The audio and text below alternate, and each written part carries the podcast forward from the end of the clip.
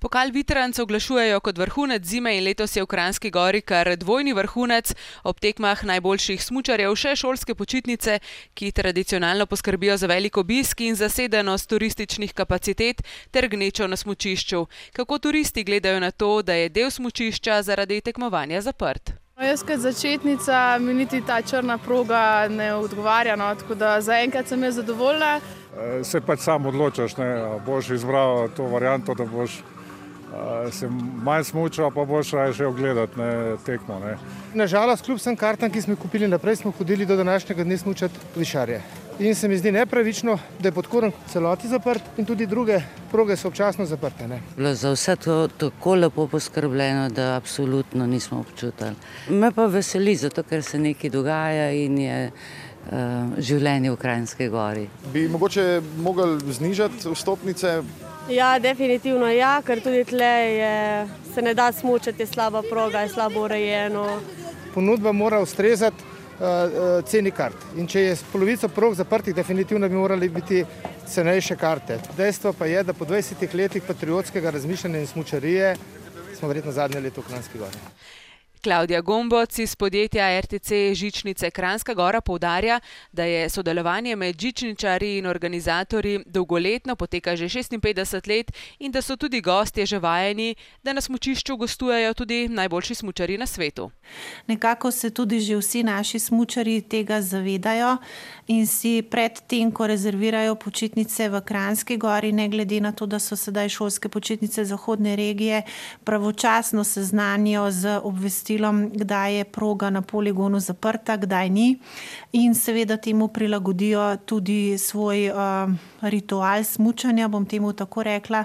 Uh, kakorkoli uh, se nekateri odločajo za smuko. Na ta dan v sosednjih državah je pa seveda letos prvič, da smo kot smočišče v sodelovanju z OK, OK Pokalom Vitranc ponudili našim smočarjem Veljavno vozovnico je enako vstopnica za ogled obeh tekmovanj.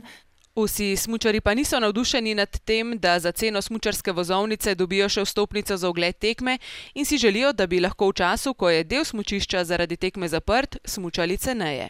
Ja, seveda pobude pridejo. Dejstvo je, da je večdnevna smučarska vozovnica tako ali tako cenejša v Kranjski gori, seveda vključuje tudi nočno smuko. Uh, cenejše so tudi sezonske smučarske vozovnice za vse tiste, ki pa pridejo na dan uh, smuke istočasno z pokalom Vitranc tekmovanji. Smo pa že pred leti poizkušali dajati 50 odstotni popust ali pa še več, ampak kakšnega konkretnega učinka na te marketinške poteze res ni. Vsi tisti, ki si želijo smučati na poligonu, pač pridejo nekoliko kasneje ali pa prej, tako da tukaj večjih težav res na smučišču ne beležimo. Klaudija Gomboc še poudarja, da pokal Vitranc Kranski gori prinese neprecenljivo promocijo in dolgoročno zagotovo privabi več smučarjev, kot jih odvrne. Si pa želi, da datum šolskih počitnic ne bi se upadal s terminom tekem. Vem, koliko težav ima generalni sekretar pri pridobivanju teh terminov. FISA je trenutno potrdila termine pokala Vitranc do leta 2020, kar je velik uspeh za našo celotno destinacijo.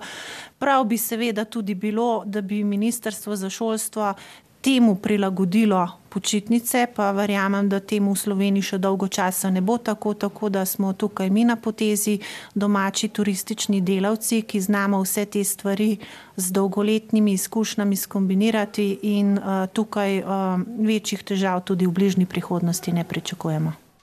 Tudi predsednik organizacijskega odbora 56. pokala Vitranc Grega Benedik si želi, da počitnice ne bi bile prav v času tekem in dodaja, da se vsi upleteni trudijo za odlično sodelovanje. Razume tudi dilemo smučarja, naj gre v času tekem vseeno v Kransko goro in se to laži s tem, da v njegovi bližini smuča Marcel Hirscher, ter se pritožuje, ker ne more na del smučišča, ki je za dobre rekreativne smučarje poseben izziv. To je neka dilema ali pa nek, neko vprašanje, ki se ga mi zavedamo, tudi predvsej v njemu razmišljamo. Dejstvo je, da Kranjska gora rabi tako preditev, Slovenija rabi tako preditev, slovensko smučanje rabi.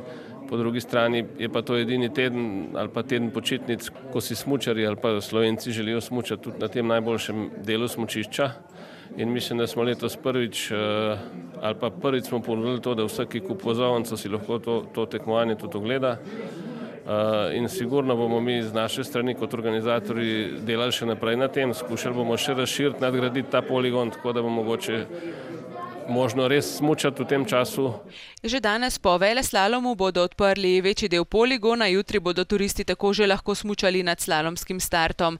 V zadnjih sezonah smo sicer slišali tudi, da domači tekmovalci na poligonu niso dovolj trenirali oziroma da so trenirali le ob neugodnih urah, se pravi še pred deveto zjutraj, ko se poligon odpre tudi za rekreativce.